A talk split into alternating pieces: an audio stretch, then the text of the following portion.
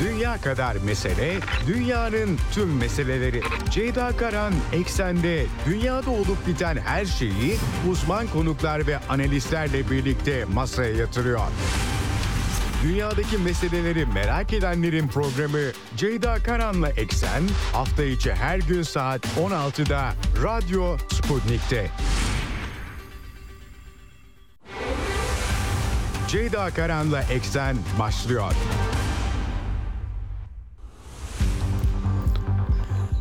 Eksenden merhabalar efendim. Bugün 9 Kasım 2023 günlerden Perşembe dünyadan haberlerle yine karşınızdayız. Dünya haberleri Orta Doğu'ya odaklı maalesef 7 Ekim'den beri çıkamıyoruz. Başka haberler tabii ki var ama gündem büyük ölçüde İsrail-Filistin çatışması üzerine kurulu İsrail ordusu Gazze'nin kuzeyindeki kara harekatını yoğunlaştırmış vaziyette ve kuzeydeki sivilleri de güneye aktarıyor. 6 saatlik bir süre e, açıkladılar. Dün 50 bin insanın geçtiği söylendi. Bir koridor kuruldu.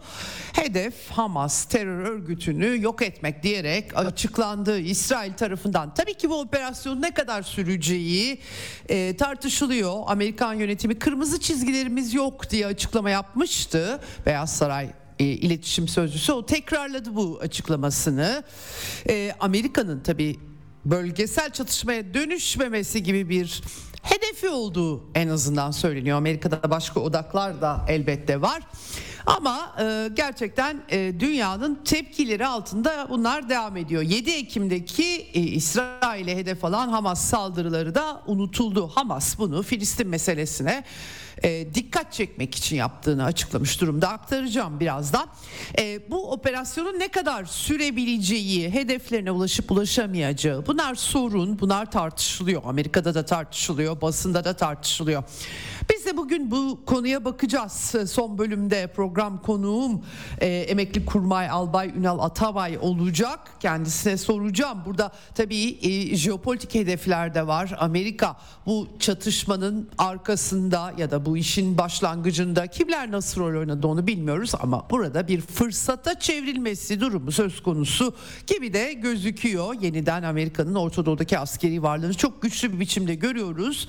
Amerikan üstleri bu arada hedef oluyor onu belirteyim. Yapılan açıklamalar var aktaracağım size. Netanyahu duraklamayı şu an kabul etmiyor ama yakın gibi gözüküyor. Amerika'dan baskılar var Netanyahu hükümetine. En azından böyle 5 saatlik, 6 saatlik, 24 saatlik duraklamalar belki rehinelerin bir kısmını kurtarılması Hamas'ın ve Filistin örgütlerinin elinde rehi, İsrailli rehineler de devam ediyor.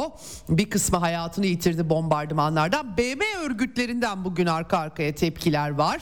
Ee, Avrupa'dan biraz yarılma özellikle Belçika'dan tepkiler yükselmiş durumda. E, hepsini aktarmaya çalışacağım sizlere. Tabii Filistinlilerin Gazze'den çıkartılması ve sonrasında Gazze'nin nasıl bir yer olacağı tartışmaları da devam ediyor. İsrail kısa sürede Gazze'den çıkacak gibi de gözükmüyor. Bunu da konuğuma soracağım programın son bölümünde. Ama önce tabii notları aktaracağım. Bu arada tabii Ukrayna çatışması ile ilgili de çok sayıda birikmiş not var. Bunları da aktarmaya çalışacağım sizlere. Ee, Ukrayna 4 Haziran'da başlayan taarruzu bitmiş gözüküyor fiiliyatta ama e, Zelenski ısrarlı Zelenski hükümetinde parçalanmalar var. Genelkurmay Başkanı Zaluzny hedef tahtasına oturmuş gibi gözüküyor. Amerikan yönetimi artık fonlarımız bitti diyor. Kongreden para çıkartmaya çalışıyorlar. Avrupa Birliği genişleme raporu yayınlandı efendim bu bağlamda. Türkiye'de dahil olmak üzere. Ee, hakikaten çok enteresan. Artık Avrupa Birliği üyesi olmanın şartı netleşmiş gözüküyor. Liyakat. Bunu Ursula von der Leyen açıkça açıkladı. Ee, Moldova, Gür- Gürcistan ve Ukrayna. Ukrayna seçimlerin iptal edildiği Ukrayna'da Avrupa kriterlerine uygunluk söz konusu gerçekten çok çarpıcı. Tabii Türk Dışişleri'nin tepkisi var Türkiye raporuna. Ee, bunları da aktarmaya çalışacağım e, sizlere. Ee, yine Akka Anlaşması aslında Amerikan yönetimi Akka Anlaşması'nı pek iplemiyordu ama Rusya e, sonunda e, hiç kimse hiçbir şekilde uyulmayan bu anlaşmadan çıkınca herkes çıktı öyle söyleyeyim size.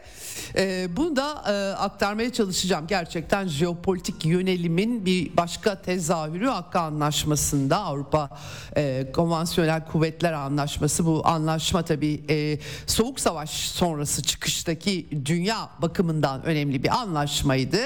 E, dolayısıyla artık o da tarih oldu gidişatı sembolize etmesi bakımından belki önem taşıyor. Evet ee, başlamadan hemen frekanslarımızı tekrar edelim. İstanbul'dan 97.8, Ankara'dan 96.2, İzmir 91, Bursa 101.4 ve Kocaeli 90.2.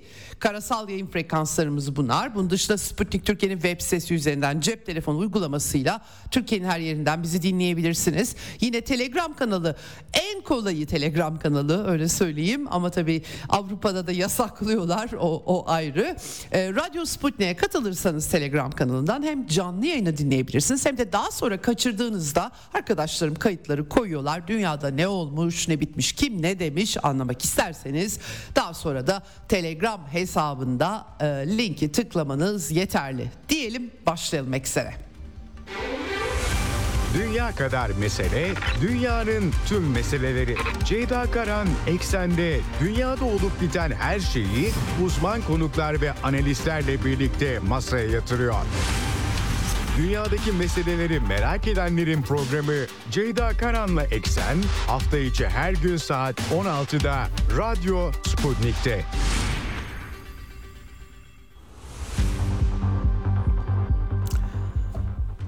Bugün 34.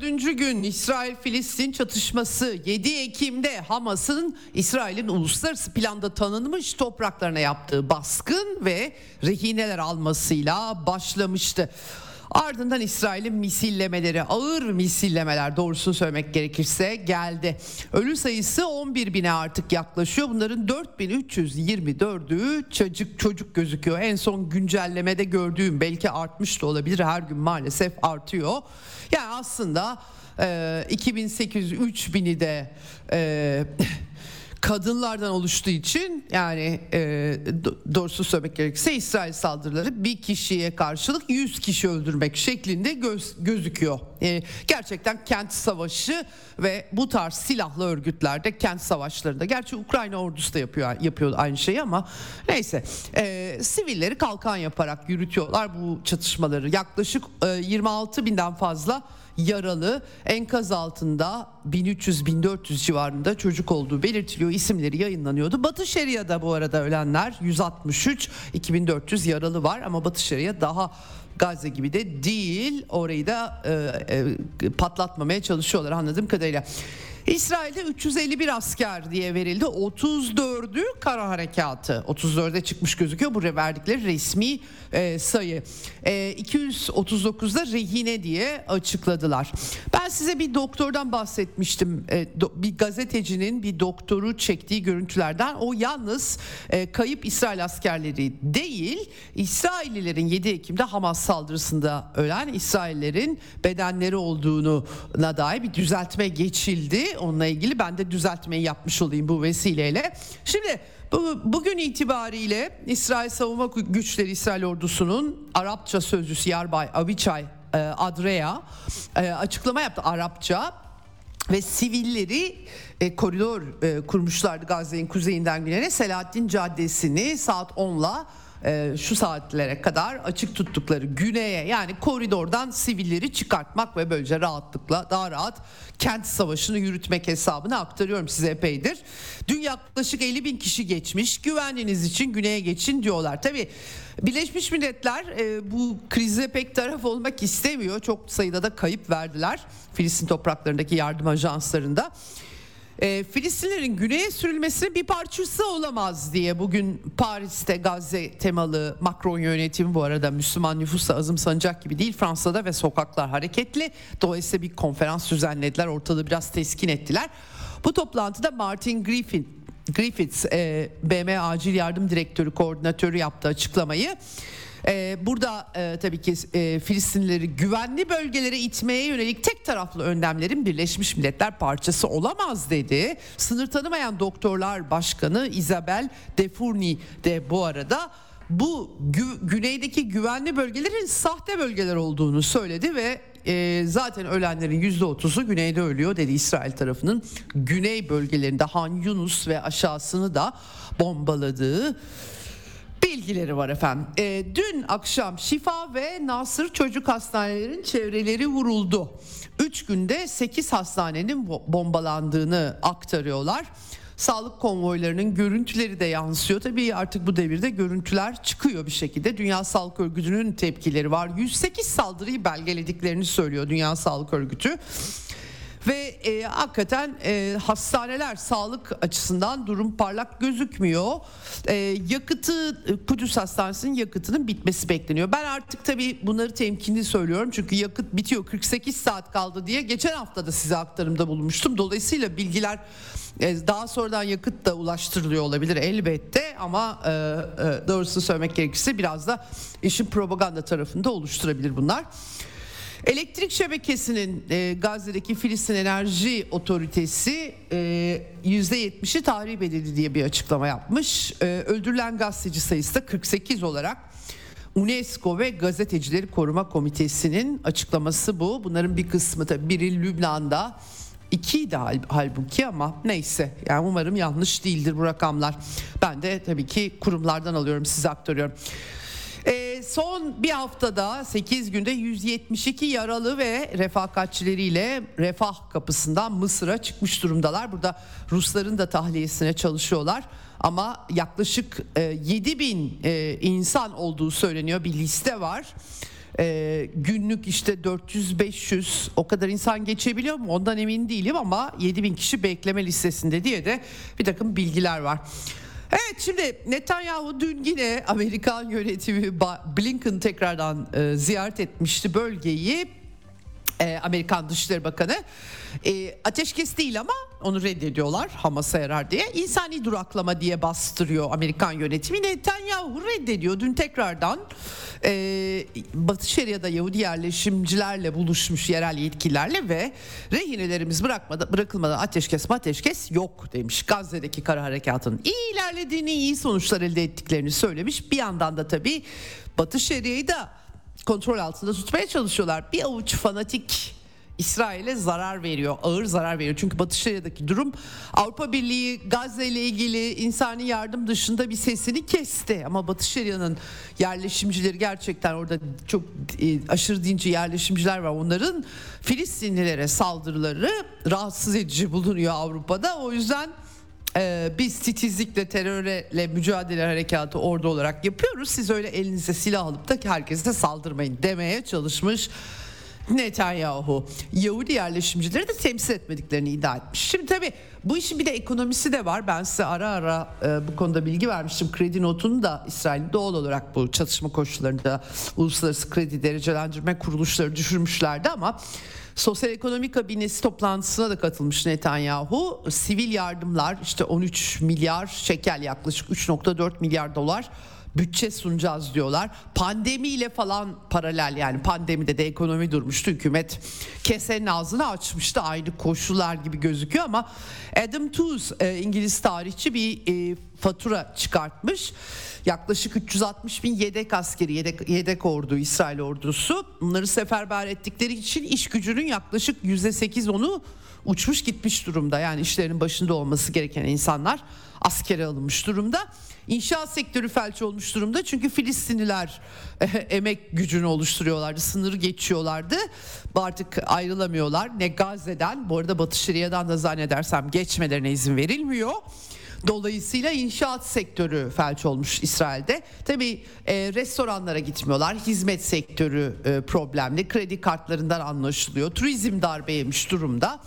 Ee, bir de Tamar gaz sahası var. Buradaki çalışmalar durduruldu. Dolayısıyla ayda 200 milyon dolardan da mahrum kaldı İsrail'in söyleniyor. Ee, Şimdi kadar böyle sürdürebilirler ee, ekonomi İsrail tabi zengin bir ülke Amerika'dan bolca para da alıyor ama yani e, hep beraber göreceğiz en azından çıkardıkları tablo bu şekilde. Şimdi e, dün e, İsrail Savunma Güçleri Sözcüsü Daniel Hageri Hamas'ın Gazze'nin kuzeyinde kontrolü kaybettiğini söyledi. Ee, insani duraklama filan da yok diye o da altını çizdi. Bu e, söylentiler medyaya da yansıyor çünkü. İsrail ordusu 1982 yılından bu yana ilk kez yedek 252. tümenin tamamını en son Lübnan'da Lübnan Savaşı'nda ilk Lübnan Savaşı'nda kullanılan TÜİ'nin de devreye sokmuş. 400 binlik bir güçten de bahsediyordu ama şimdi yedekler 360 bin diye geçiyor. Sonra Givati özel birliği var. Bunun bir kes, keskin nişancısı Barib Yariel. Ee, çok ünlü olduğunu söylüyorlar. 2012 yılında bu birliğe katılmış bir Hamas keskin nişancısı tarafından öldürüldüğü söyleniyor. Tabi İsrail ordusunun kayıplarını tam bilemiyoruz. 34 asker denildi ama bu tür durumlarda tabi devletler e, kayıp sayılarını daha az açıklayabiliyorlar. E, İzzettin El Kassam Tugayları yani Hamas'ın askeri kanadı da 136 İsrail askeri aracını kullanılamaz hale getirdiklerini duyurdu. E, evet bir takım videolar var gerçekten kent savaşında tanklar ya da zırhlı araçlara saldırı videoları var. Bunların sayısı 136 mıdır bilmiyorum ama çok sayıda video geçiyor. E, şimdi tabii ee, burada e, asıl önemli olan siviller meselesi. Birleşmiş Milletler e, İsrail'in e, kuzey yani kuzeyi boşaltacaklar ki daha rahat savaş verecekler. E, e, temel mantık bu ama Birleşmiş Milletler dediğim gibi bu planlamanın parçası olmak istemiyor. Bu anlamda da İsrail'in vakti aynı şekilde ekonomik konusunda olduğu gibi askeri anlamda da vakit sorunu çıkıyor ortaya. Ee, Birleşmiş Milletler bu arada e, genel sekreter istifaya davet edilmişti. Bağlamını bu krizin 75 senelik bir tarihi var. Filistinlilerin ulus devlet kuramamaları var. Anlaşmaların uygulanmaması var. Tabii ki tek sorumlusu İsrail değil. Bunun Filistin tarafında da elbette e, e, e pek çok radikal unsurlar da olmuştu. Onlar da bütün Filistin İsrail devletinin olmaması gerektiğini savunuyorlar yıllardır.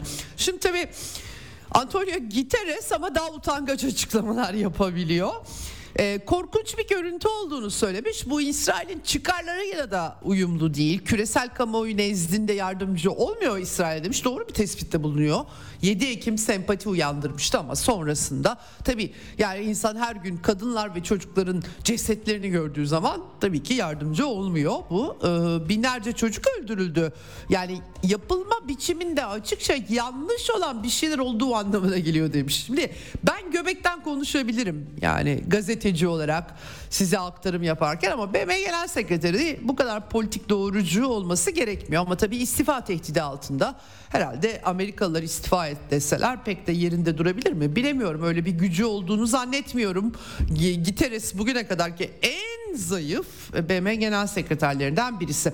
BM yardım ajansları daha çok konuşuyorlar diyebiliriz. Martin Griffiths nihayet vize verilince İsrail'e gidebilmişti. Ee, X hesabından 7 ee, Ekim'den bu yana Batı Şeria'da yani sadece bu işlerin hani Hamas'la mücadele de ediliyor ama sadece Gazze değil Batı Şeria'da da 45'i çocuk 150'den e, fazla Filistinlinin öldürüldüğünü söylemiş yaralılara işaret etmiş artık yeter demiş tekrar ediyorum demiş. Ee, ve BM raportörü Balak Rishnan e, Rajagopal Hindistan asıllı herhalde isminden anladığım kadarıyla açıkça diyor ki İsrail savaş suçu işliyor. Yani dünya harekete geçmeden çünkü konutlar, sivil tesisler, altyapı sistematik bir biçimde e, bunlar yapılıyor. E, dolayısıyla bu bir savaş suçu diyor. BM konseri e, Volker Türk gidecek bölgeye demiştim. Mısır'a gitti. Refah kapısında açıklama yaptı. O da her iki tarafta savaş suçu işliyor diye bir vurgu yaptı. 7 Ekim tarihindeki baskının vahşet, iğrenç, acımasız ve şok ediciydi. Rehinelerin tutulmaya devam edilmesi için bunlar da savaş suçuydu diye eklemiş. Katılıyorum kendisine. Ben de doğrusunu söylemek gerekirse. Ee, ama kar, tabii ki İsrail'in de Filistinleri toplu cezalandırması, hukuksuz bir biçimde zorla tahliye etmesi, bunlar da kadın ve çocukların bu şekilde öldürülmesi de açıkça e, savaş suçudur demiş. Böyle bir resimle karşı karşıyayız. Tabii yani 10 binden fazla insan bir e, kişiyi bir Hamas'ı öldürmek için 100 kişiyi öldürdüğünüz zaman o zaman işin ahlaki, hukuki, stratejik gerekçeleri konuşmak gerekiyor. Beyaz Saray sözcüsü John Kirby'ye sordular bunu yeniden. Dün akşam gazeteciler şu şekilde formüle etmişler videoyu izledim ben de. Ee, yani daha önce siz e, İsrail için kırmızı çizgimiz yok demiştiniz hala yok mu diye sormuşlar. O da hala geçerli demiş. Demek ki e, e, her ne kadar insani duraksama e, Blinken timsah gözyaşlarıyla öldürülen her çocuk e, böyle içimiz kan ağlıyor filan dese de kırmızı çizgilerin olmadığını bir kez daha teyit etmişler. Evet, zaten Amerikan askeri varlığı bunu teyit ediyor. E, dün e, sosyal medyadan fotoğrafları da yayınladılar böyle gemiler dizilmiş arka arkaya. USS Mount Whitney, Pargottini, efendim Virginio Fasan, Gerald Ford ve Eisenhower uçak gemileri grupları hepsi orada sıralanmış vaziyette. İsrail Savunma Bakanı uzun süreli bir savaş içerisinde olduklarını e, belirtiyor. E, sivil ekonomi e, yani bu, bunları da yönetmeleri gerekiyor demin aktardığım gibi e, ve daha da e, e, e, önemli tartışması tabii ki Gazze'de Hamas'ı diyelim ki askeri olarak çok büyük zarar verdiler, tünelleri yok ettiler. Ne olacak sorusu. E, e, şimdi e, devralacak yani İsrail Gazze'yi. Başka şansları yok. Çünkü buradan yeni bir 7 Ekim saldırısı yapılmasına izin veremeyiz demeleri bu anlama geliyor. Ama hani bir insani arayla 3-5 10, 15 rehineyi alabilirler belki. Ya çünkü Amerikan yönetimi geçmiş çatışmalarda orada tabii bu kadar çok rehine alınmamış onu belirtmek gerekiyor. Arada büyük bir farklılık var. İşte 2-3 tane İsrail askeri kaçırılıyor. Üzerinden bir takım çatışmalar e, e, başlayabiliyor. Ama sonuç itibariyle Amerikalılar ateşkes yaptırıyorlardı ve bir takım İsrail hapishanelerindeki isimler bırakılıyordu. Karşılığında da Hamas rehineleri bırakıyordu. Burada biraz daha tabii boyutları artık onun dışına çıkmış durumda. Dolayısıyla yani Hamas'ı bitireceğiz diye tuttu, tuturdu İsrail yönetimi. Çok büyük bir darbe yediler. Eğitim Bakanı Yoav Kish e, bu arada İsrail Ordu Radyosu'na demiş ki yani e, yeniden hani e, kontrolü almak, Arap barış gücü oluşturmak ki reddediyorlar. BM barış gücü reddediliyor. Hakikaten ne olacağı belli değil ama ee, İsrail Eğitim Bakanı açıkça demiş ki yeni yerleşimler de yapabiliriz. Göz ardı etmiyoruz herhangi bir şeyi hakikaten.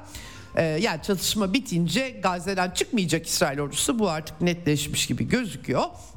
E, Hamas'ta yani e, bu bölgedeki kontrolü bizden alacağınız yanılsamasına kapılmayın diye mesajlar veriyor Beyrut'ta. Bu arada İsrail ordusu Gazze'deki askeri liderliği yok edecek diyelim ama üst düzey yönetim ya Beyrut'ta ya Doha'da. Dolayısıyla onlara da mı suikast düzenleyecekler bilemiyorum. Üst düzeyden bahsediyorlar çünkü. E, Beyrut'ta e, basın toplantısı yapıyorlar efendim. E, Amerikalılara diyorlar ki yani e, direniş halkımız kazanacak yani bozguna uğradılar ve e, deneyimlerden ders alın filan diyorlar. E, Halil El Hayya Hamas'ın Katar'daki bir o şefi o da Katar'dan konuşuyor.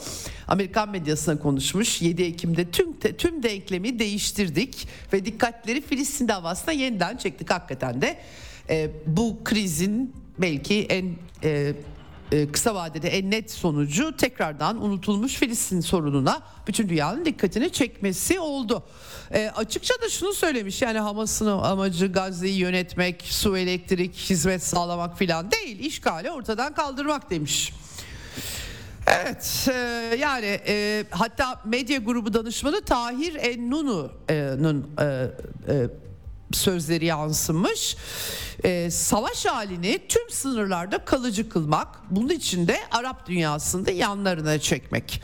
Şimdi bu hesap tabii e, konuğuma da soracağım bunu. Yani Arap dünyasının İsrail'de çatışmaya girmesi hesap olduğu anlaşılıyor. Bu mümkün olur mu ondan emin olamıyorum doğrusunu söylemek gerekirse.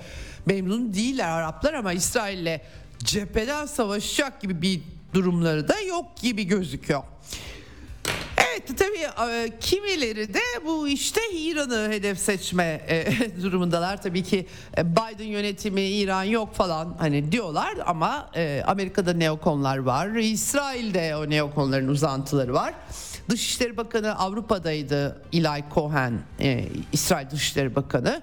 AB parlamenterlerine hitap etti. E, klasik söylem yani batıya gelmesin diye Hamas'ı yok etme savaşı, özgür dünyanın savaşı. Ya çok komik gerçekten. Yani bak gülüyorum çünkü Hamas ideolojisini Suriye devletini yok etmek için bizzat kendileri kullandılar. Hem İsrailler hem Avrupalılar hem Amerika şimdi birdenbire e, dünyayı kurtarmak için Hamas'la mücadele etmekten bahsediyorlar. Gerçekten hiçbir e, tutarlılık olmadığı için iç gibi göze giriyor. Bizden 3-5 sene önce yaşananları unutmamızı istiyorlar. Sahra hastaneleri açtılar. Bu İslamcıları tedavi ettiler. IŞİD'lileri bile ettiler. İnanılır gibi değil. Yermuk kampında, mülteci kampında Filistin örgütlerini birbirleriyle savaştırdılar. Hamas'ı kullandılar Suriye devletini yıkmak için. Yıllarca Şam'da Hamas'a bir şekilde ideolojisinden Müslüman kardeşler ideolojisinden hoşlanmasa bile Suriye yönetimi hani Filistin davasının yüzü suyu hürmetine izin vermişti. Onu kullanarak Suriye'yi devirmeye çalıştılar. Aktarıp duruyorum ben size her gün ama yani bilmeyenlere hatırlatmak babında Netanyahu 2019'da bırakın Suriye'yi Filistin devleti kurulmaması için Hamas'a yatırım yapmamız lazım diye kendi söylüyor. İsrail basınına yansıyan şekilde. Velhasıl şimdi bunların hepsi gitti özgür dünya Hamas'ın yenilgisiyle ortaya çıkacak. Gerçekten komik. Terörizm kanser gibi bir şey. Hakikaten öyle kanser. O kanseri Suriye'ye bulaştırırken şahaneydi. Avrupalılar o kanseri Amerika öncülüğünde her yere bulaştırırken aynı şeyi Ukrayna'da yapıyorlar. Şimdi banderacıları destekliyorlar. Ve 3 yıl sonra vay efendim bunlar neonazi diyebilirler. Çünkü kandırılıyorlar sürekli ya da tabii ki jeopolitik hedefleri için her aygıt kullanılabilir oluyor. Sonra onu da hedef seçerek onun üzerinden savaşlar yaratıyorlardı diyebiliriz tabii ki. Evet neyse Eli Cohen'in daha fazla aktarmayacağım size çünkü gerçekten komik yani İsrail yönetiminin bugüne kadar Netanyahu hükümetinden bahsediyoruz ve hatta diğer hükümetlerden de kolaylıkla bahsedebiliriz. Uyguladıkları politikalar düşünüldüğü zaman ben İsrailli olsam isyan ederdim. Kardeşim siz bunları desteklemediniz mi ya da Avrupalı olsam aynı şeyi söylerdim. Evet şimdi Diyeceksiniz ki devletler e, e, hedef için her yolu mübah görürler. Eh yani işte o zaman bu merak gibi dönüp sizi vuruyor da der birileri karşılık olarak. Şimdi tabii e, Lübnan Hizbullah'ıyla da itiş kakış devam ediyor. Roket saldırılarına yanıt verdiklerini söylüyorlar. E, arada sivilleri de Lübnan sivilleri de öldürdüler. Hizbullah savaş ilan etmedi Nasrallah ama bu cumartesi konuşma yapacak. Bakalım başka ne diyecek. İsrail Suriye'yi vurdu yine. Güneyde bazı noktaları vurduklarını duyurdu sana Suriye Haber Ajansı e, maddi hasar olmuş. Şam'da da dün gece patlama sesleri e, işitildi. Yakında aslında tam neresi vuruldu bilmiyorum.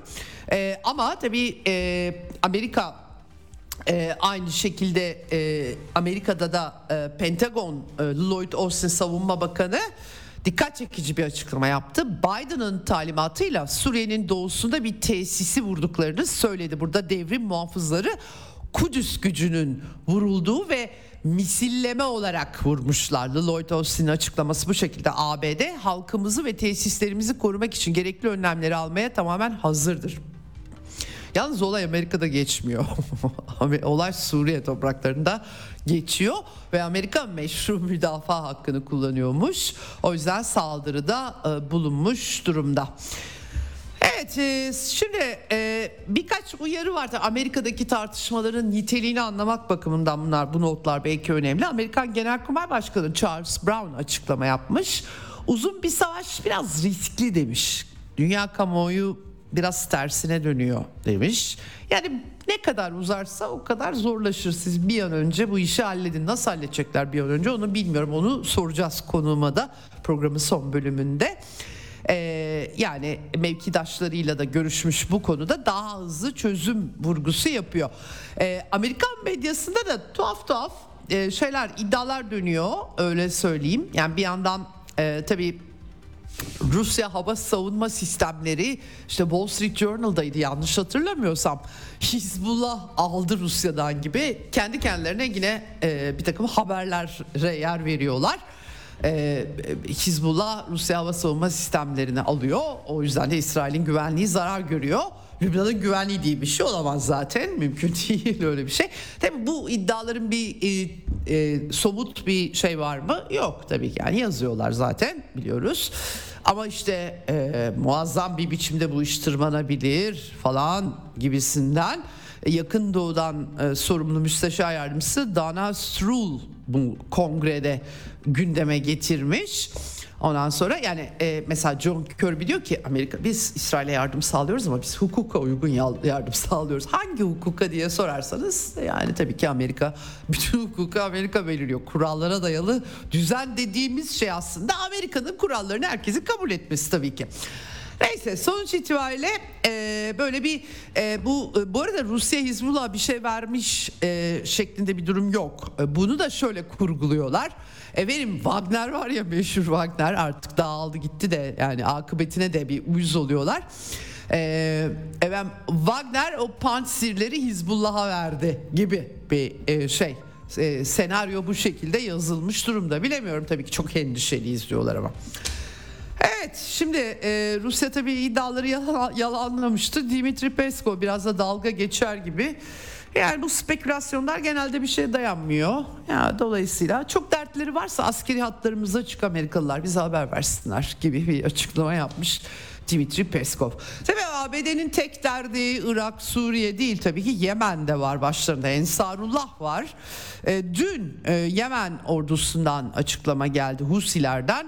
E, Yemen karasular üzerine bir Amerikan MQ-9 İHA'sı düşürülmüş. Gözetleme için kullanıyor Amerikalılar bunları.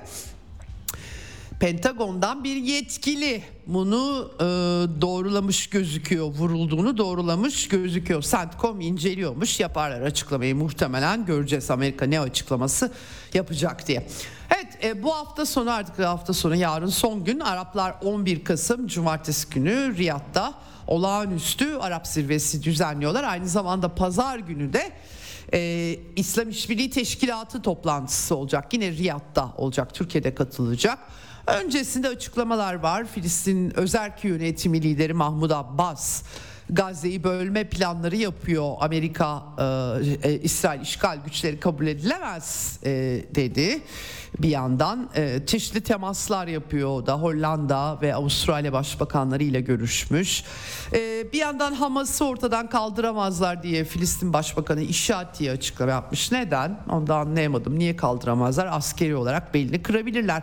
E, yani Sri Lanka'da mesela e, o kadar ağır bir askeri müdahale olmuştu ki e, hakikaten e, Tamillerin belini kırmışlardı. Hamas'ın da belini kırabilirler ama Filistin Başbakanı mümkün gözükmüyor dedi. Tabii o kapsamlı çözüme atıf yapıyor ama bu koşullarda zaten görebildiğim kadarıyla Batı dünyası Hamas'tan kurtulup yeniden Filistin özerk yönetimini Filistin topraklarında öne çıkartmaya çalışıyor. Ha oradan bir Filistin devleti çıkar çıkmaz onu bilemiyorum ama Filistin özerk yönetiminin aslına bakarsanız e, Hamas'ı Filistin özel yönetimine karşı kullanmışlardı Batılılar Amerikalılar. Şimdi tam tersini yapmaya çalışıyorlar gibi bir manzara var. E, buradaki sorun tabii nüfusun çıkartılması. E, Ürdün ve Mısır itiraz ediyor. Kentlerin üstüne kalacak çünkü e, Ürdün Dışişleri Bakanı Eyman El Safedi e, savaş sonra Gazze savaş sonrası Gazze'nin nasıl yönetileceğini yani şimdi konuşamayız demiş. Yani, e, bu senaryolar gerçekçi değildir demiş. E, daha sonra bitince konuşuruz demeye getirmiş. Ama yani işte e, efendim askeri çözüm yok. Öyle bir iddiada bulunuyorlar askeri çözüm olmadığını. iki devletli çözüm e, konferans düzenlenebilir hakikaten. Belki İsrailler bu sefer e, kabul de edebilir. Ama gerçi hangi topraklarda kuracaklar? Batı Şeria'da delik deşik bir kaşar peynirini andıran bir yer haline geldi. Gazze öyle değil küçük bir yer ama bakalım göreceğiz. Şimdi Cumhurbaşkanı Erdoğan'ın açıklamaları var. Bu Özbekistan'da Taşkent'te ekonomik teş- e, ekonomik zirve var. Ekonomi teşkilatı liderler zirvesi var. Filistin çatışmasının yürekleri dağladığını, Batı'nın ateşkes çağrısı da yapamayacak acziyette olduğunu söylemiş. Bu acziyetten falan bence kaynaklanmıyor. Cumhurbaşkanı öyle demiş ama e, ben size aktarıyorum nedenlerini benim aktarımımdan anlıyorsunuz hiç acziyetle alakası yok bunun.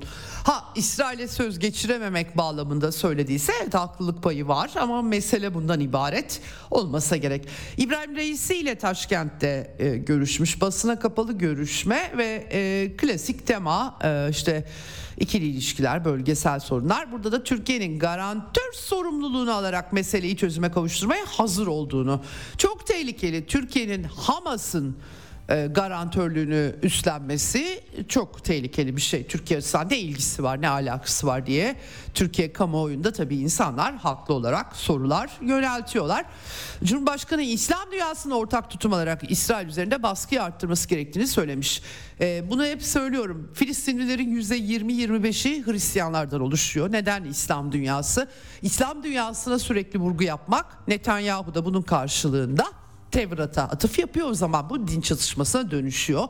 Filistin ulusal davasını bir din motifiyle ortaya sürmek e, çok akıllıca gelmiyor. Bu benim şahsi kanaatim. Evet. Efendim e, bu arada tabii Türkiye Gazze'nin boşaltılmasına karşı çıkıyor. Çeşitli planlar olduğu iddiaları yansımıştı. Yalanlandı. Şimdi çocuklar gelecek. Kanser hastası çocukları getireceklermiş. Sağlık Bakanı Fahrettin Koca onu e, duyurdu. E, İsrail Kanser Hastanesi'ni de e, hedef almıştı. E, önemli bir yardım gibi gözüküyor Türkiye'nin sağladığı. Evet Avrupa'ya gelelim. Ben aktarmıştım size G7 zirvesi Tokyo'da yapılmış Dışişleri Bakanları toplantısı. Orada bir yandan İsrail'in meşru müdafaa hakkı diğer, diğer yandan bunu uluslararası hukuka uygun yapmalı ama diye e, duraklama önermişlerdi. İsrail bunu kabul etmiyor zaten. E, batı'dan Avrupa'dan yapılan açıklamalar hep işte belirli dengeleri gözetiyor. Dışişleri Bakanı İngiltere'nin ee, yani e, bir şekilde e, İsrail operasyon yapıyor, hükümet olmaktan çıkarmak ama işte siyasi çözüm de önemli. Ee, barış yanlısı Filistin liderliği getirmek önemli demiş. Ee, suya sabuna dokunmayan açıklamalar. Von der Leyen Avrupa Komisyonu Başkanı tam dayanışma İlay Cohen'le görüştü. Tekrar etti yine İsrail'e tam desteklerini ama bir yandan da insani yardım ulaştırmalıyız gibi cümleler kurdu. Bir de Çin'e çıkışmış. Ne alaka anlayamadım ama von der Leyen Çin tarafsız olduğunu ve barışçı çözümlerden yana olduğunu belirtirken dünyanın en istikrarsızlaştırıcı güçlerinden bazılarını olarak sağlıyor. Onları destekliyor. Neden bahsediyor? Anlayamadım gerçekten. Konuşuyor von der Leyen gerçekten. Ee, ama e, Avrupa Konseyi ve Belçika Avrupa kanadında İsrail'e uluslararası hukuk, insancıl hukuku hatırlatan unsurlar. Konsey Başkanı Charles Michel o da Belçikalı. Demiş ki yani biz hepimiz İsrail'i e, savunuyoruz ama e, uluslararası hukuku ihlal etmeyi bırakmazlarsa yalnız kalacaklar demiş. Açıkça söylemiş. E, Belçika Başbakan Yardımcısı Petra de Sutter'in açıklamaları vardı. Dün yine sosyal medyaya da yansıdı e, uluslararası ateşkes taleplerini e, umursamadıkları açık. Yaptırımlara başvurmamız gerekiyor. Bomba, bomba yağmuru insanlık dışı demiş. E, derhal AB-İsrail ortaklık anlaşması askıya alınmalı. İşgal topraklarından Filistin, Batı Şeria'yı kastediyor. Gelen İsrail ürünlerine ithalat yasağı getirilmeli. Yerleşimcilerin e, ve savaş suçlarından sorumlu askerlerin AB'ye girişi yasaklanmalı. UCM'yi harekete geçirmeliyiz diyen ilk ve tek Avrupalı olmuş Belçika Başbakan Yardımcısı. Diğer yandan Hamas'ın bir terör örgütü olduğunu ve para sağlayan şirketlere yaptırım yapmaları, uygulamaları gerektiğini de eklemeyi ihmal etmemiş efendim. Evet böyle Almanya Başbakanı Baerbock sade suya tirit ablukaya çevrilmemeli e, Gazze'de terör tehdidi oluşturmamalı. Ay insani yardım demiş. Açıkça Scholz bu e, Almanya'nın tutumunu ortaya koyuyor. E, Kristallnacht 40 Camlar Gecesi diye de geçer. Meşhur 85. yıl dönümü e, Almanya'nın ders aldığı iddia ediliyor neo-nazizmin suçlarından. Gerçi Kiev'deki neo-nazileri destekliyorlar ama iş Yahudilere geldiği zaman Holocaust yüzünden bir sinagogda Berlin'de konuşma yapmış Olaf Scholz ve bir daha asla demiş. E, dolayısıyla Yahudi karşıtı olaylardan utandığını ve böyle bir nefrete tolerans göstermeyeceklerini söylemiş mesela Ruslara nefrete tolerans gösteriyorlar ama dolayısıyla Scholz'un tabii ki e, Yahudileri koruyacaklar geçmişteki suçlarından ötürü ama e, çok da iyi özümsememişler. Bu tür bir nefrete diye bir ifade kullanıyor. Banderacılarda bu nefret fazlasıyla var. E, dolayısıyla sadece Yahudileri kastediyor. Peki Rus Yahudisi mesela? Ruslara her türlü nefret meşru Olaf Scholz için. E, dolayısıyla e, bir daha asla sözü ne anlama geliyor bilemiyorum ilkesel olarak. Ee, bu Almanya, e, Amerikalılar da zorlanıyorlar. Ukrayna birazdan aktaracağım. Ukrayna'ya artık fon kalmadı. Ee, İsrail'e öncelik tanımış. Alman hükümeti İsrail'e verilecek silahlarla ilgili sipariş onaylarını derhal önceye almış. Tak tak tak hepsini onaylıyor efendim. 10 kat artmış Almanya'nın e, silah savunma ihracatı sözleşme tabii hemen hepsi teslim edildi anlamına gelmiyor ama başvurular olduğu anlaşılıyor.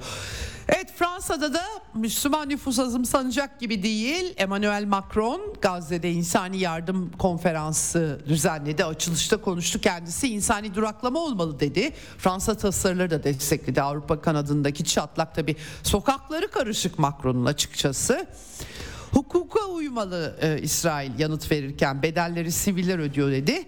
Ama Fransa'da da şöyle bir kargaşa var. Çok komik aslında bu hakikaten trajikomik diyelim. E, bir takım siyasiler meclis ve senato başkanlarının öncülüğünde 12 Kasım'da pazar günü Paris'te İsrail'e destek ya da antisemitizmi kınama protestosu planlamışlar. Protesto gösterisine de ulusal cephe bütün ideolojik durum alt üst oldu. Tıpkı Ukrayna'da olduğu gibi. Ee, Marine Le Pen de katılacak olunca ortalık karışmış anladığım kadarıyla. Bilemiyorum bakalım düzenleyecekler bir göreceğiz. Zaten bu resim tuhaf. Düşünsenize Kiev'de banderacılar iktidarda. Stepan Bandera ulusal kahraman. Pullar basılıyor. Nazi işbirlikçilerin pulları basılıyor ve Nazilerin katlettiği İsrail'deki Yahudilerle onlar aynı yerde Avrupa ikisini de destekliyor. Böylesine bir trajikomik durum var. Ha bunun gerekçesi ne derseniz Donbas'taki Rus sivillerin katledilmesini münasip görüyorlar. Yeter ki Rusya'nın nüfuz alanı olmasın diye BM anlaşmaları filan onlar önemli değil zaten kurallara dayalı düzen uluslararası hukuk anlamına ne de olsa gelmiyor. Evet İtalyanlar da böyle kıyısından e, ucundan Gazze kıyılarına hastane gemisi göndereceklermiş. Böyle bir durum. ABD kamuoyunda yalnız problem var. O da e, İsrail'in desteğinin özellikle genç demokratlarda azaldığı iddia ediliyor anketlere göre. Ee, Maryland Üniversitesi bir anket yapmış. Joe Biden zaten Biden demokratlar için büyük bir sorun haline geldi. Geçen gün aktardım size Obama'nın eski e, yardımcılarından Axelrod e, bu Biden'da aday olmasa iyi olur türünde bir açıklama yapmıştı, yazı yazmıştı. Evet şimdi efendim e, Amerika'da tabii pek çok tartışma var. Hillary Clinton gibi isimler tuhaf tuhaf açıklamalar yapıyorlar. 6 Ekim'de ateşkes vardı bozuldu. Ben Gazze'ye gittim biliyorum falan demiş Hillary Clinton. Hamas sivilleri savaş aracı olarak kullanıyor demiş. Hillary Clinton Suriye'de El-Kaide bizim yanımızda diyen yardımcısı şimdi Ulusal Güvenlik Danışmanı Jake Sullivan hiç de rahatsız değildi. El-Kaide dediğiniz işte Müslüman kardeşlerle aynı ideolojiyi paylaşıyor. Dolayısıyla yani kendisine de kimse bir soru sormadığı için böyle tuhaf açıklamalar yapabiliyor. Başarısız oldu. Başkan seçilemedi. En fazla Dışişleri Bakanı olabildi tabii kendisi yapacak bir şey yok. Evet ee, Güney Afrika İsrail'le diplomatik ilişkileri kesermeyi istişareler için Büyükelçiyi çağırmışlar. İktidar Partisi Afrika Ulusal Kongresi e, Genel Sekreteri Fikile Mıbalula açıklama yapmış demiş ki hükümetimiz derhal İsrail Büyükelçisi'ni sınır dışı etmeli demiş. Evet, İsrail'in de Güney Afrika'da etkisi az değildir. Bunu belirtmek gerekiyor. Onu da belirtelim. Evet. Şimdi biraz Ukrayna'dan bahsedeceğim. Oradan da notlar var. Dünyadaki tek çatışma tabii ki İsrail-Filistin çatışması değil. Rusya e, güçlerinin artık 4 Haziran taarruzu gömüleli beri Ukrayna Kiev yönetiminin banderacıların e, ilerleme halinde Rabotino'da, Bahmut Artemovsk yönünde, kuzeyinde Klaşevka'da ilerlemesi kaydedilmiş durumda. Avdiivka'da aynı şekilde geniş çaplı operasyonlara başlamış durumdalar. Her sonda bir takım adacıklara çıkmıştı Ukrayna'dan. Çok sınırlı sayıda birlik. Ruslar pek takmıyor gibi gözüküyor bunları. Bunlardan birinin kalıcı konuşlanma noktasını imha etmişler. Ayrıca e, işte Ukrayna e, uçakları savaş uçağı 2 Su-24, 2 MiG-29, 1 Su-27 böyle e, bilgiler aktarılıyor. Bu arada da Ukrayna ordusu da bir hastane vurmuş geçen gün Donetsk'in merkezini vurmuşlardı ve 20'ye yakın ölü vardı.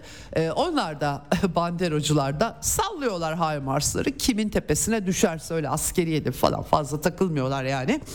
Kalinin hastanesine saldırı olmuş. Bir de Lugansk'ta bir milletvekiline e, Mihail Filiponenko'ya suikast düzenlemiş Ukraynalılar. İstihbaratta üstlenmiş bunu. Genelde önce üstlenmiyorlar başkası yaptı diye ıslık çalıyorlar. 3 ay sonra üstleniyorlar. Bu arada da Batı medyası aa Ukrayna yapmadı diye haberler yazıyor. Genelde bu şekilde vuku buluyordu.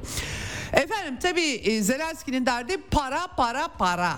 Ee, bize de para vermeyin kredi açın öderiz sonra gibi gibi söyleşiler veriyor Batı medyasına. Gerçekten çok acıklı hali. Zaluzhny ile e, Genelkurmay Başkanı ile kapışmış vaziyetteler. Taarruzun başarısızlığından onu sorumlu tuttuğu anlaşılıyor. The Economist'te e, işte e, stalemate diye böyle dondu kaldı çatışma kimse ilerlemiyor diye tespitler yapmıştı. Yalan külliyen stratejik olarak büyük bir başarısızlığa uğradılar. Kırım'a gideceğiz dediler. E, 480 nüfuslu çatışmadan önce köyleri bir kısmını aldılar alabildilerse onun dışında hiçbir ilerleme yok. Büyük bir facia gerçekten. O yüzden e, hatta e, son dönemde pasif pasif e, e, bağlamda bir taarruza kalkışanın Rusya güçleri olduğu anlaşılıyor. O yüzden siyasi çekişmeler Kiev'de. E, Kiev Belediye Başkanı Klitschko bu arada Rada'dan da Ukrayna'da en son bir tasarı kabul etmişler. Askerlerden kesilen gelir vergileri yerel bütçeden ulusal bütçeye yani askerseniz verginizi Zelenski'ye teslim edeceksiniz. Tabii Kiev Belediye Başkanı Klitschko da Zelenski'nin rakibi aslında. Çok mutsuz olmuş bu konuda eleştiride bulunmuş ee, şehirler gelirsiz kalacak demiş efendim. Bu arada Batı yardımları azalınca ee, Ukrayna Ekonomi Bakanlığı toplu özelleştirme kararı almış. Biliyoruz her şeyi satıp savmak. ee, zaten yaptığı yani Zelenski de e, biliyorsunuz dünyada herhangi bir ülke böyle her bir şeyi özelleştiriyorsa bilin ki Amerikancı ve Amerikancı politikaları uyguluyor. Amerika'nın ekonomi politikalarının en sadık izleyicileri devletin elinde ne var ne yoksa hepsini özelleştirenler. Ukrayna'da bunlardan bir tanesi. Ee, İsrail'e artık öncelik verdiği için Amerika mali yardımlarda aslında Biden unutmadı tabii ki e, şeyi Ukrayna'yı ama kongreden zorlanıyor. Sahipsiz mülkleri de açık arttırma yoluyla satacaklar açıkçası.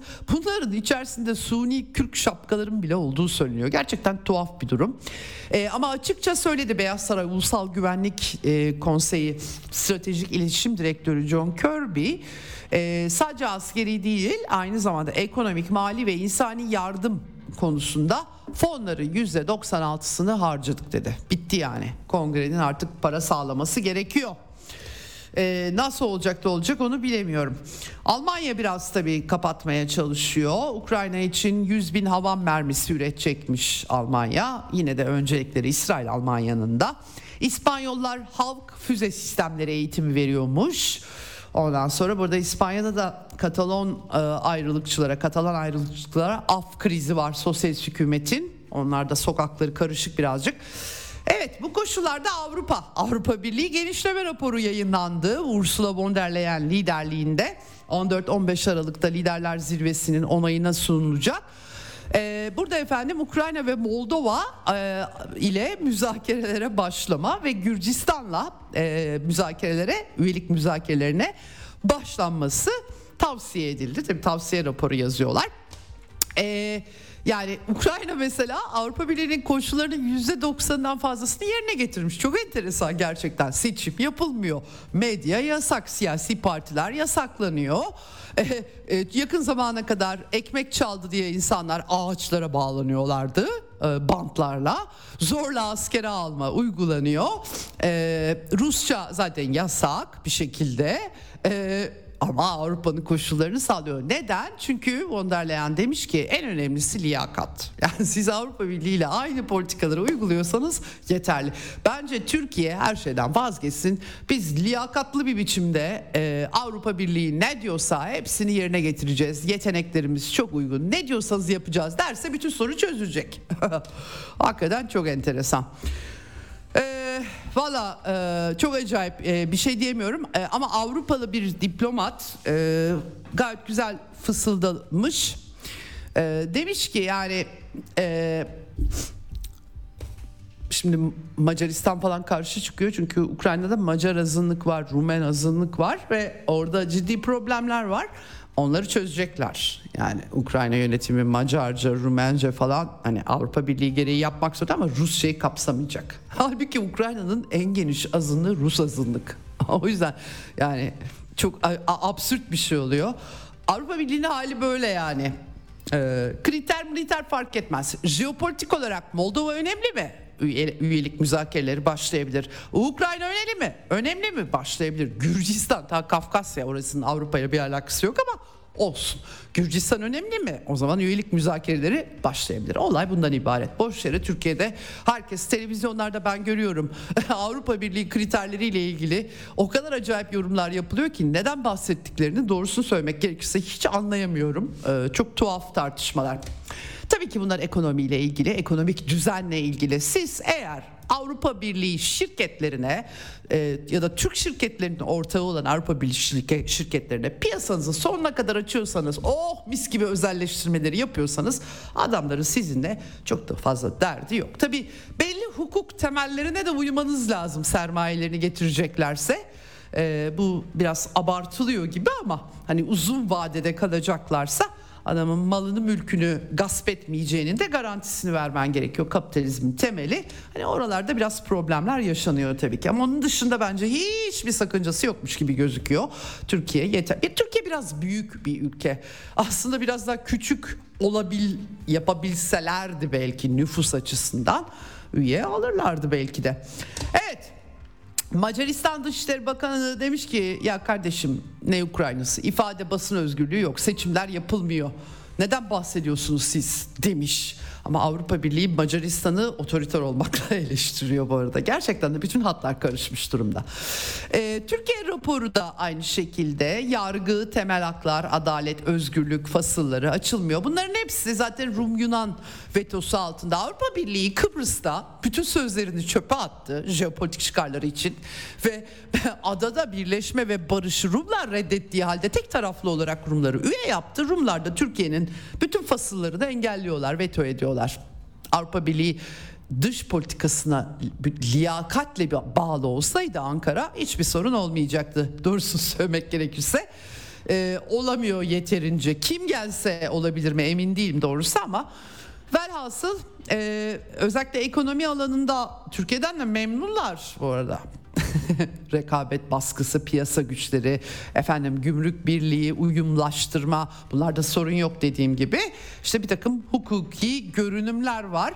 Ukrayna'nın görünümünü örnek gösterse ya Ankara açıkçası. Baksanıza Zelenski yönetimi bunları bunları yapıyor. Hiç sessiz çıkmıyor dese onu bile demiyorlar. Neyse. Dışişleri Bakanlığımız sonuç itibariyle tümüyle raporu reddetmiş, hoşlanmamış rapordan e, haksızlık yaptığını Avrupa Birliği'nin söylemişler. Ben olsam ya kardeşim Ukrayna'ya hiç gıkınız çıkmıyor e, seçim bile yapmıyor adamlar filan derdim doğrusu söylemek gerekirse. Evet. Fransız muhalefeti Vatanseverler Partisi'nin lideri demiş ki bunlar bizi öldürüyorlar. Fransa çok geç olmadan Avrupa Birliği'nden çıkmalı. Amerika'ya artık bunlar her şeyi bağlamışlar. Avrupa Birliği bizim doğrudan ve basit ölümümüzü istiyor demiş. Durum böyle. Evet Slovakya artık silah vermiyor. Fico hükümeti Robert Fico hükümeti 40.3 milyon dolarlık askeri yardımı artık iptal etti. Stoltenberg olsun biz yardıma devam edeceğiz diye açıklama yapmış. Bir de Romanya'da Romanya'da Financial Times alarm vermiş efendim. Tıpkı Slovakya'daki gibi bir parti yükseliyor Romanlerin birleşmesi için ittifak. Ukrayna karşıtı parti. Bu arada Rusya'ya da karşı bu parti ama Ukrayna karşıtı olunca Rus yanlısı olarak tanınıyor. Böyle acayip bir durum. Evet e, fakat Vaktim e, Akkaya yetmedi. E, şimdi konuğumla da konuşurken belki gündeme de taşıyabiliriz. Hakikaten Avrupa'da e, can sıkıcı bir durum var. E, bir zamanlar e, Avrupa Birliği değerlerle anılıyordu. Şimdi liyakatla böyle anıyoruz işte çok liyakatlı Avrupa Birliği hakikaten. Ee, bir kısa tanıtım hemen konuğumla burada olacağız.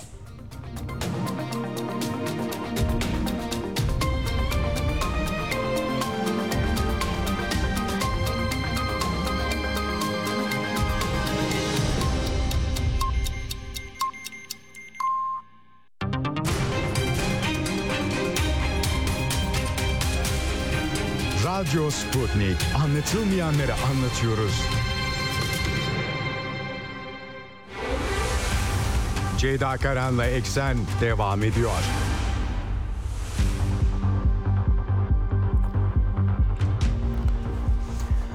Evet Eksen'in son bölümündeyiz. Telefon hattımızın diğer ucunda emekli kurmay albay Ünal Atabay var. Hoş geldiniz efendim yayınımıza.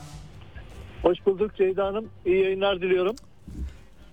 Çok teşekkür ediyorum e, katıldığınız için Ünal Bey. E, tabii bir aydır işte Orta Doğu krizine battık öyle diyelim. Hakikaten çok da e, dramatik manzaralarda yansıyor.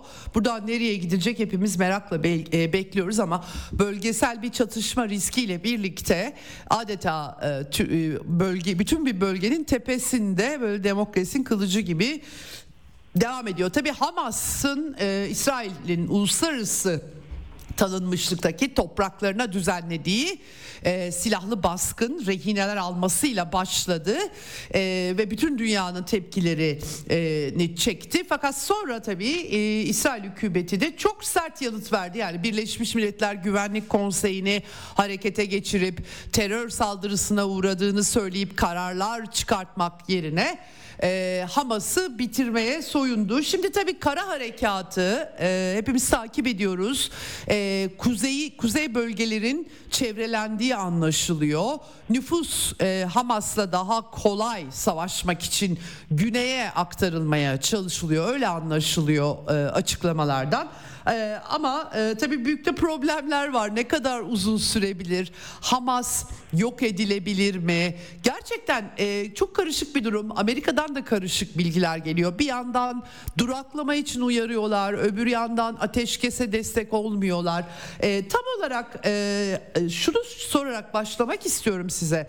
E, askeri olarak e, başarılabilir bir hedeften hedef mi koydu İsrail hükümeti? Sonrasında Gazze'yi nasıl şekillendireceklerinin çeşitli diplomatik tartışmalarını yapabilirler ama en başta e, orada bir zafer kazanmaları gerekiyor. Bunun kimileri kolay olmayacağını söylüyor. Öyle midir? Ne dersiniz? E, hemen bunu sorarak başlayayım. Ee, evet yani şöyle şimdi Ceyda Hanım tabi askeri hedef gerçekleşir mi? Tahakkuk eder mi? Hı hı. E, hedeflerine ulaşabilir mi? Tabii önemli bir soru ama e, hatırlayalım hı hı. İsrail hükümeti ortaya bir siyasi hedef koydu. Bu siyasi hedefin hı. gerçekleşmesi için bir askeri hedefte e, belirlenmiş oldu. Siyasi hedef ne? Hamas'ın ortadan kaldırılması, e, Gazze'deki idari ve siyasi yapısının tasfiye edilmesi, Hamas'ın askeri kolu olan, e, gücü olan e, Kassam Tugaylarının da etkisiz hale getirilmesi. E, hı hı. Ve nihai olarak burada da İsrail kendisine müzahir olacak veya diyalog içerisinde olabileceği bir yönetim biçimini e, Gazze'de e, otoriteyi hakim kılmak. Şimdi siyasi. Evet. Bu şekilde ortaya koydular. Hani ana çerçevesi.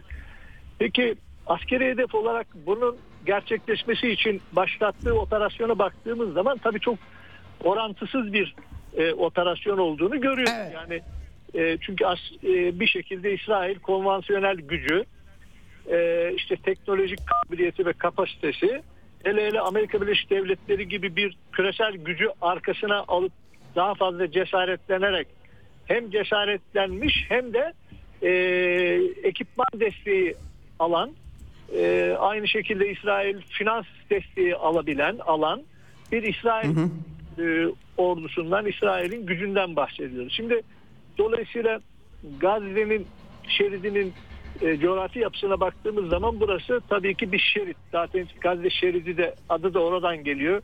İşte evet. doğu tarafını Akdeniz'e yaslanmış. E, diğer üç tarafı da İsrail tarafından kuşatılmış. İşte güneyi de Mısır tarafında kapalı olan e, bir kuşatılmış bir coğrafya adeta. doğası öyle duruyor şu anda zaten. aynı zamanda askeri anlamda da e, operasyonla birlikte daha da kuşatılmış hale geldi. Şimdi e, operasyonun e, işte bugün 34-35. güne geçiyoruz. Yani e, bir ayı aşan bu süre içerisindeki bombardımanı e, oradaki askeri kapasitesini, gücünü kullanması tabii ki sivillerin de oradaki silahlı güçle bir arada bulunması ciddi bir kayıplara neden oluyor. Yani çoluk çocuk işte orada bir dramik e, bir dram e, ortaya çıkıyor, yaşanıyor. E, Evet. Bunun tabii ki e, bu askeri hedeflerine ulaşabilmesi açısından İsrail e, kuzeyden başlattığı operasyonu Gazze şehrinin merkezine e, girmek istiyor. Yani Gazze'yi şu anda e, batı kapısından bir girişleri var kısmen e, tutunma sahaları buraları. E, bu, aynı zamanda e, kuzeyden Şati kampı bölgesinden girmeye çalışıyorlar. Şati bölgesindeler. Öte yandan Gazze Vadisi'ne paralel kuzey e, doğu batı ekseninde girdikleri unsurların bir kısmında bir kolunu da e, kuzeye doğru aktarmaya çalışıyor. Yani Gazze'nin e, güney e, eteklerine veya güney kuşaklarına şehrin diyorum ben. Yani Gazze şeridinin içindeki Gazze şehrinden bahsediyorum. Hı hı. E, bunu ulaştırmaya çalışıyor. Ama tabii çok kolay olmayacak. Çünkü şöyle öyle görünüyor. Gelen saha bilgileri çatışmanın şiddeti e, açısından. Çünkü oradaki e, Hamas'ın silahlı kanadı e, uzun zamandır buna hazırlık yapması, tahkim etmesi, işte yeraltı tünellerinin varlığı, bu tünellerin yer üstündeki tahkimatla e, koordineli ve e, entegre etmesi e, gibi e, o oradaki binaları e, çok rahatlıkla kullanabilme kabiliyeti var. Çünkü orada yaşıyor. O orayı sahayı daha iyi biliyorlar bir şekilde. Hı hı. E, Dolayısıyla bu yönde direniş kapasitesini e, İsrail'in e, gücünü biraz zorlayacak gibi görünse de e, belki bir zaman alacak ama e, bir şekilde Amerika'da e, desteği verdiği için bir destek de aldığı için güçlü bir şekilde gerek istihbarat desteği olsun gerekse işe silah kapasitesi desteği olsun danışmanlık olsun e, bir şekilde e, Gazze bölgesini kontrol altına alacakları görünüyor. Ama e, bazen bu şaşabilir. E, çünkü askeri operasyon e, bazen dengeleri değiştirecek e, tahmin edilmeyen, öngörülemeyen e, gelişmeler yaşanabilir.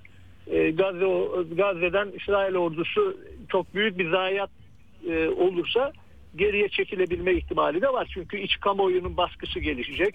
Tabii Evet. İsrail ordusunun zayiatı arttıkça oradaki sivil kayıplar da artacak paralel e, demek anlamına gelir. E, bu bir infiale neden olacak. Daha fazla bir baskı oluşacak gibi sebeplerle e, geri çekilme ihtimali de az da olsa Var. e, var. Evet. Peki efendim yani bir de tabii kuzey hattı gerçi Nasrallah'ın geçtiğimiz cuma günkü konuşması Hizbullah cephesi açılabilir kuzeyde Lübnan'la deniyordu. O biraz teskin olmuş gözüküyor. Gerçi cumartesi tekrar bir konuşması olacak. Ee, bölgesel çatışma riski bağlamında ne söylemek lazım? Çünkü Amerika'da Irak ve Suriye topraklarında giderek hedef oluyor gibi. Tam kayıpları da hakim olamıyoruz ama en son Pentagon şefi Biden'ın talimatıyla bir takım hedeflerin vurulduğunu söylüyor.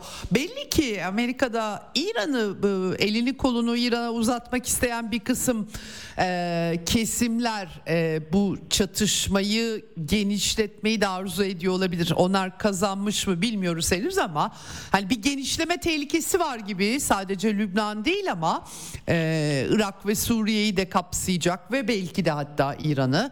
E, mümkün mü sizce? Böyle bir risk görüyor musunuz? Görüyorsanız e, bölgedeki durumu nasıl anlamak ve nasıl durmak lazım diyeceğim.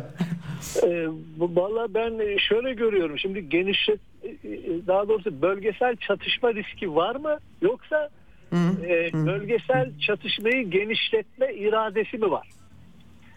Şimdi e, şimdi bir irade e, görüyorum. Yani İsrail ve Amerika'nın bunu e, örtülü olarak yapmaya çalıştığı, biraz da gizlemeye çalıştığı, çok da açık vermeden e, yürütmeye çalıştığı sanki bölgesel bir çatışmayı genişletme iradesi var gibi görünüyor. E, Belki de bunu biraz zamana yaymak suretiyle e, küresel diğer güçlerin yani Rusya ve Çin, İran gibi e, bu ülkelerin tepkisi e, gelişmelere karşı duruşlarını da test etmeye çalışır bir tavır ben izliyorum Orta Doğu üzerindeki bu tavrını Amerika'nın. Çünkü e, az sayıda bir donanma yığınağı yapmadı. E, hem Körfez bölgesine, Kızıldeniz'e, Akdeniz'e e, Evet. yani oldukça büyük bir kapasiteyi intikal ettirdi buraya. E, savaş uçakları işte e, savaş e, şey biliyorsun uçak gemisiyle beraber Evet. ee, şimdi e, bu acaba e, Amerika Birleşik Devletleri bu çatışmayı Lübnan'a doğru da yayılması oluşur. Ya şimdi şöyle bu Gazze'ye İsrail'in saldırısıyla Hamas'ın devreye girmesini istemedi Amerika. Neden onu baskıladı? E, çünkü İsrail'in elini rahatlatmak adına bunu yaptığını düşünüyorum. Ama Gazze operasyonundan sonra muhtemelen İsrail Hizbullah'a odaklı bir operasyon başlatacak. Yani Lübnan'a. da. Hmm. Bu, bu ne demektir? İşte o zaman ça- çatışma riskinin bölgeye yayılması ihtimali yükselecek. Çünkü bu Golan Hmm. Tepelerine sıçacak. E, Golan Tepelerinde İran destekli milis güçleri bu operasyona dahil olacak. Suriye sahası doğrudan dahil olacak demektir. E, Amerika'nın Irak'taki üsleri saldırıya maruz kalması artacak demektir. E, dolayısıyla e, bu çatışma herhalde Suriye sahasına bu sefer yayılacak. Yani alanı alan e, İsrail e, coğrafyasından çıkıp Suriye sahasına aktarılması ve burada Suriye'nin parçalanması için o baştan beri var olan projenin herhalde hayata geçirilmesi için diğer basamak devreye sokulacak. Yani e, bu Suriye'nin parçalanması demek Irak'ın da iyice parçalanması. Yani zaten buraları tarumar olmuş durumda da tabii bir de Evet. e, sınırları belli olacak. İşte e, Sünni İslam bölgesi, Şii bölgesi gibi yani değişik böyle biliyorsunuz projeler, haritalar dolaşıyor. E, Evet. bunları şehir devletçikleri şeklinde bunları herhalde oluşturacaklar. Yani bunu şimdiden e, kervanı ürkütmeden e, herhalde yol almak istiyorlar. Öyle anlıyorum ben. Hı hı, evet.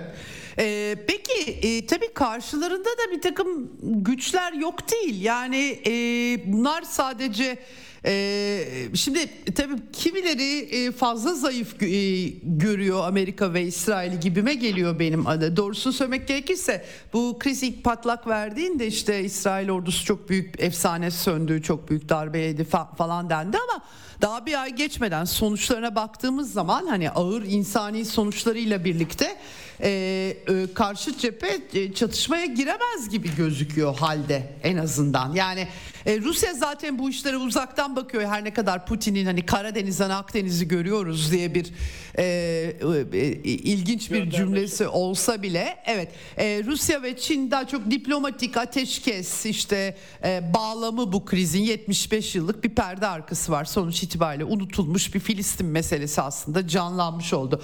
Şimdi ama e, öte yandan gerçekten de e, Amerika Birleşik Devletleri'nin Orta Doğu'da zayıfladığı özellikle Arap müttefikleriyle zaten bir süredir krizleri vardı ve onları eskisi gibi ikna edemiyor gibi bir görünümü var. Yani her şeyi tamamen askeri güçle hepsinin e, e, kafasına vuracak hale getirebilir mi Amerikalılar? Çünkü Filistin Gazze'yi boşaltmaktan bahsediyorlar gelecekte. Onu kabul etmiyor Araplar. Ürdün, Mısır. E, Arap barış gücü diyorlar. E, onu reddediyorlar gibi gözüküyor. Yani e, bir şekilde bir Arap direnişi de sanki yaratıyorlar gibi. E, kalıcı olur mu bu? Ne dersiniz? Siz bakınca ne görüyorsunuz buradaki dengeler bakımından? Şimdi Ceyda Hanım şöyle tabii Amerika Birleşik Devletleri'nin e, eskisi kadar e, Orta Doğu'da e, çok rahatlıkla e, oynat, e, elini oynatabileceği bir tablo yok. E, bunu Amerika Birleşik Devletleri de görüyor. E, dolayısıyla e, yani Arap dünyası, Arap ekseni veya işte Müslüman dünyası Amerika Birleşik Devletleri'nin e, öteden beri tutumundan kaynaklı e, bir karşı duruşları daha da keskinleşiyor. Bu Doğu Batı eksenindeki kopuşun makasın açılmasına da sebebiyet veriyor. Özellikle şimdi e, Arap dünyası, İslam dünyasının batıya entegrasyonu veya batıyla o arasında olan bir balans e, ayarının e, artık dengesinin bozulduğu bir süreçte yaşanıyor aslında bu Hamas çatışması ile beraber bu su yüzüne çıktı. Çünkü neden? Ee, Çin'in biliyorsunuz nüfuzu Orta Doğu üzerindeki etkisi e, hissedilmeye başladığı bir dönemden bahsediyoruz.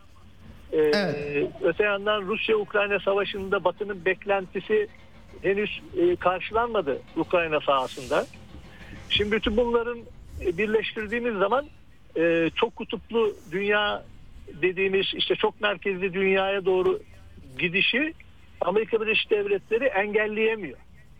E, yani tek başına o kendi hegemonik gücünü, tek otoriteyi ben sürdüreceğim dediği o iddianın arkasında şu anda duracak durumda değil. Bu iddia Orta Doğu'da da gerilediğini görüyor. E, Şimdi dolayısıyla e, işte İsrail'in üzerinden, İsrail gücünün üzerinden burada bir tekrar ben Orta Doğu'ya eski gücüm ve eski gücümden de daha etkili geri döndüm, dönüyorum, döneceğim mesajı açısından da buradaki açıkçası çatışmayı da e, kızıştırıyor. Ya bir de böyle Evet. bir durum var. Evet ama e, efendim yani Yemen'deki Husiler evet e, fakat Yemen'deki Husilerin dün gece gördüm ben yani henüz Amerika doğrulanmadı doğrulamadı ama bir e, yetkili e, en azından e, fısıldamış e, resmi açıklama yok ama e, Amerika'nın e, bir e, bu SİHA'sı var gözleme için kullandığı onu düşürdükleri anlaşılıyor. Şimdi bu İran'dan şundan bundan bahsetmiyoruz. Bayağı bildiğiniz Husilerden bahsediyoruz. Birincisi ikincisi Hizbullah'ın artık çok güçlendiği e, bilgileri aktarılıyor. E, ve e, Amerika Suriye projesini de başaramadığı için Irak'ta zaten çok zayıf bir yapı e, ama Şiiler var e, tam olarak oturmuyor. Yani e, o kadar fırsat yarat yaratıyor mu Amerika'ya gerçekten bu durum yoksa çok riskli e, bir e, şeyden söz edebilir miyiz? Ya bence riskli çünkü yani çok e, Amerika'nın e, çok e, rahat hareket edecek bir şu anda alanı sınırlanıyor. Bunu da görüyor. E, O nedenle İsrail üzerinden bu olası boşluğu doldurmaya çalışıyor. Şimdi biliyorsunuz bu güç boşluğu Çin'in dolduracağı endişesi Amerika'da e, belirginleşmişti. E, Yani İsrail'le şey, düzeltiyorum İran'la e, Arabistan arasında biliyorsunuz bir normalleşme hamlesi yaşandı. Evet. E, bu, bu tabi diğer ülkelerle işbirliği var vesaire. Tabi küreselleşen bir dünya var. Yani çok kutuplu dünyaya doğru giden bir dünya var. Siz bunu önleyemiyorsunuz. E şimdi bu önlenemez bir e, hareket var. Önlenemez harekette ne kadar zorlasanız da e, bir hayatın bir gerçeği bir taraftan da yol alıyor yani bu e, şey. E, Şimdi bunu görüyor Amerika. Dolayısıyla e, telaşı da oradan kaynaklı. İşte ama Amerika'nın tabii ki e, yatsınamayacak bir gücü de Orta Doğu'da var. O da bir gerçek. Evet, Çünkü çok gerçek. sayıda Ha. üssü var. E, oradaki gücünü tahkim edebiliyor. Ama e, bu yetmiyor. Çünkü oradaki e, Arap dünyası e, şimdi o, Amerika'nın istediği şu. Diyor ki demokrasiyle kalkınalım. Ve e, demokrasiyle olur diyor. Yani demokrasiyi ihraç edeceğim. İhraçlı olmuyor biliyorsunuz bu. Ama Çin ne diyor? E, kalkınmayla demokrasinin geleceğini söylüyor. Şimdi yani bu bunlar o zaman bu defa Arap dünyasındaki liderler e, daha kendi otoritelerinin devam edeceğini gördükleri için e, biraz daha Amerika'dan uzaklaşmak istiyorlar. Şimdi burada Evet. bir tercih olayı var. Dolayısıyla e, gitgeller yaşaması Arap dünyasının, İslam dünyasının birçok ülkesinin gitgel yaşamasının da ar- arkasında bunlar yatıyor. E, işte bu Evet. mücadeleyi e, kızıştırıyor.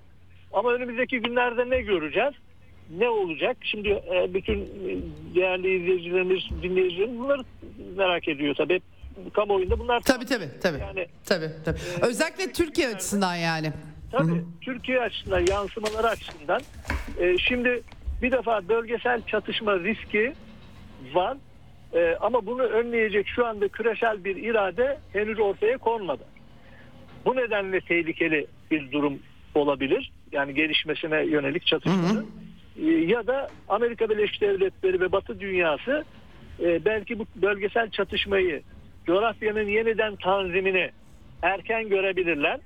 E, bu çatışmadan bir ders çıkararak yeniden e, değerlendirebilirler ve dolayısıyla çatışmayı sadece Gazze ile sınırlı kılacak şekilde İsrail'i motive edebilirler. Yani önümüzdeki günlerde biz bunu görüyoruz ama ben biraz da sanki e, çatışmanın yayılması yönünde bir irade halen var Amerika'nın kafasında ve İsrail'in. Çünkü haritayı değiştireceğiz söylemleri, Amerika'nın yığınaklanması biraz daha büyük bir resim üzerinde oynanmak isteniyor. Yani sınır yani bu e, Gazze ile sınırlı görünmüyor hareket, çevresel hareketler. E, oradaki söylemler Evet. biraz daha büyük bir resmi işaret ediyor. O açıdan Evet. işte Türkiye yansıması da tabii ki bölgede olan bütün o e, çatışmaların kaotik ortamın istikrarsızlık Türkiye'ye yansımaması mümkün değil. Çünkü bölge ülkesiyiz Ha. bir şekilde. E, kaçınılmaz olarak ama dileriz ki e, kısa sürede bir kısa sürede bir ateşkes gerçekleşir. E, nihayet daha sonra e, uluslararası bir konferans, uluslararası bir irade ortaya çıkarak bölgede istikrar sağlansın. Tabii ki beklentimiz ama e, bu iyi niyetin ötesinde e, çok da e, ben açıkçası parlakta görmüyorum. Onu da söyleyeyim. Evet, e, çok küçük soracağım. E, fazla vaktim de kalmadı ama e, Erdoğan yönetimi biraz eleştiriliyor. Yani retorik çok şey yüksel yükseltildi. Bence yükseltilmedi o kadar aslında ama genel olarak böyle bakılıyor. Ama pratikte hiçbir şey yapamıyor Türkiye deniliyor. E, katılır mısınız buna? Türkiye'nin duruşu bu işe çok bulaşmak olmalı mı olmamalı mı? Bir de son olarak e, birkaç dakika rica edeceğim. Valla ben öncelikle Arap dünyasına bir bakıyorum ne yapıyorlar diye. Ee, Arap dünyası kendi arasında bölük pörçük. Ee, yani İsrail'e karşı böyle çok ciddi bir tut, tut- tavır takınamıyorlar. Bu da bir gerçek. Ee, öncelikle bunların takılması gerekiyor. Ee, biz bunu göremiyoruz. Ee, şimdi tabii e, Türkiye olarak Filistin'e öncelikle biz bir insani olarak baktığımızda bir an önce oradaki çatışmanın sonlanması noktasında bir Evet. arzu var. Tamam. Ee, e, çok doğal.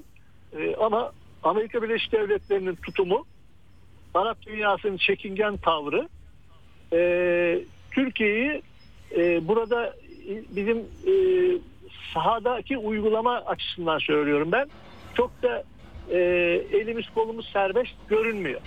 Çünkü Batı dünyası e, Amerika Birleşik Devletleri olanca gücüyle e, İsrail'in arkasındalar. Yani bunun karşısında bizim Türkiye olarak e, yapabileceğimiz daha çok diplomatik atak. Uluslararası Evet. uluslararası iradenin harekete geçirilmesi için bir gayret olabilir. Ama e, buna da direnen bir batı dünyası var. Çok da kolay değil yani beklentiler e, hemen Evet. karşılanacak gibi görünmüyor Türkiye'nin beklentileri. Onu açıkça söyleyeyim. Evet. Hı hı. Evet. Peki çok teşekkür ediyorum değerlendirme için. Ee, Ben buyurun ekleyeceğiniz. Ha, Yok, tamam. Sağ olun. Çok teşekkür ederim. İyi yayınlar Çok diliyorum. teşekkürler. Sağ olun. Ben teşekkür ederim. Evet.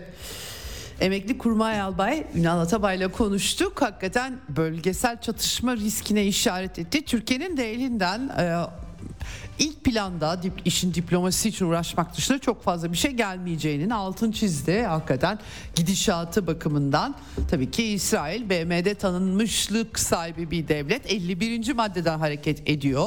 Aslına bakarsanız Türkiye'nin Suriye'de kullandığı maddeye benziyor bu.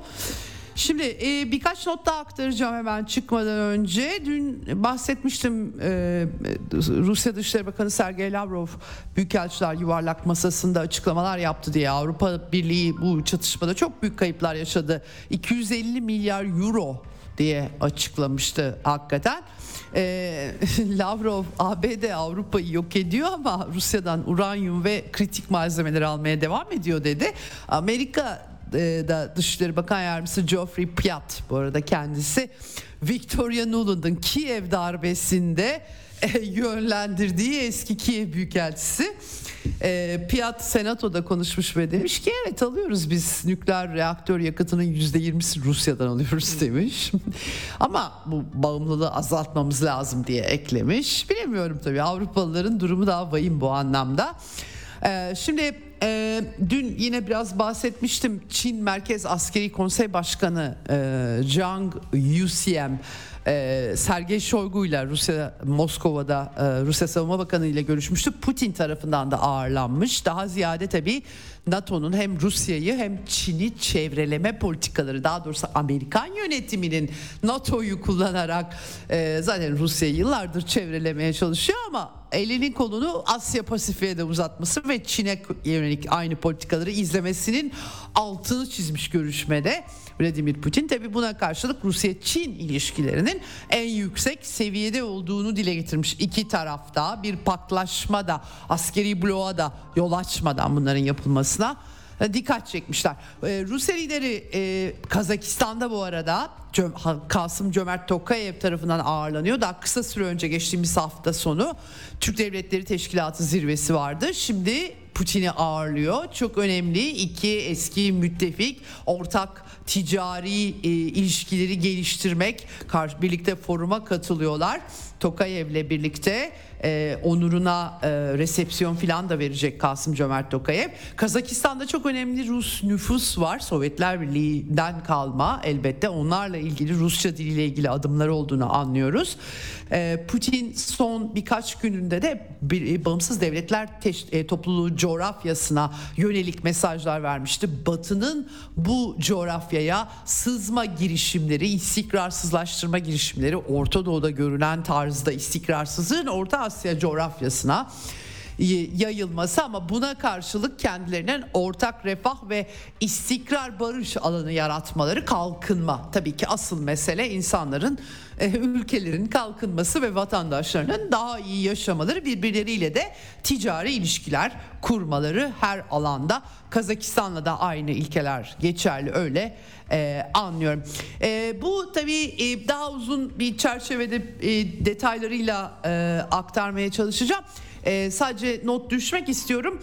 E, Amerikan yönetimi çok dikkat çekici bir biçimde APEC zirvesi var San Francisco'da ve Xi Jinping'le Biden'ın zirvesi bekleniyor. Umuluyor diyelim çantada keklik değil. Hong Kong yönetimi liderinin katılmasını şart koşmuş anladığım kadarıyla Çin tarafı ve davet çıkartılmış onlara. Rusya'ya da çıkartılmış tabii Putin'in gitmesi değil ama APEC'te Rusya Federasyonu'nda var. Amerika'dan böyle bir davetiye çıkartması enteresan olan aslında. İlginç bakalım neler çıkacak bu APEC'ten San Francisco'dan Çin ABD liderlik görüşmesi olabilecek mi görüş, göreceğiz. Avrupa Konvansiyonel Kuvvetler Anlaşması artık bitti. Zaten hükmü yoktu. Amerikalılar defalarca deldiler. Diğerleri de deldi. E ama bu konuda Rusya'yı suçladıklarını belirterek e, bugün az vakit kaldı. Bu hafta çok konuşamadık ama belki yarın biraz daha toparlayıcı e, olarak aktaracağım bunun notlarını. Yarın görüşmek üzere Eksen'den. Hoşçakalın efendim. Ceyda Karan'la Eksen sona erdi. Dünya kadar mesele, dünyanın tüm meseleleri. Ceyda Karan Eksen'de dünyada olup biten her şeyi uzman konuklar ve analistlerle birlikte masaya yatırıyor. Dünyadaki meseleleri merak edenlerin programı Ceyda Karan'la Eksen hafta içi her gün saat 16'da Radyo Sputnik'te.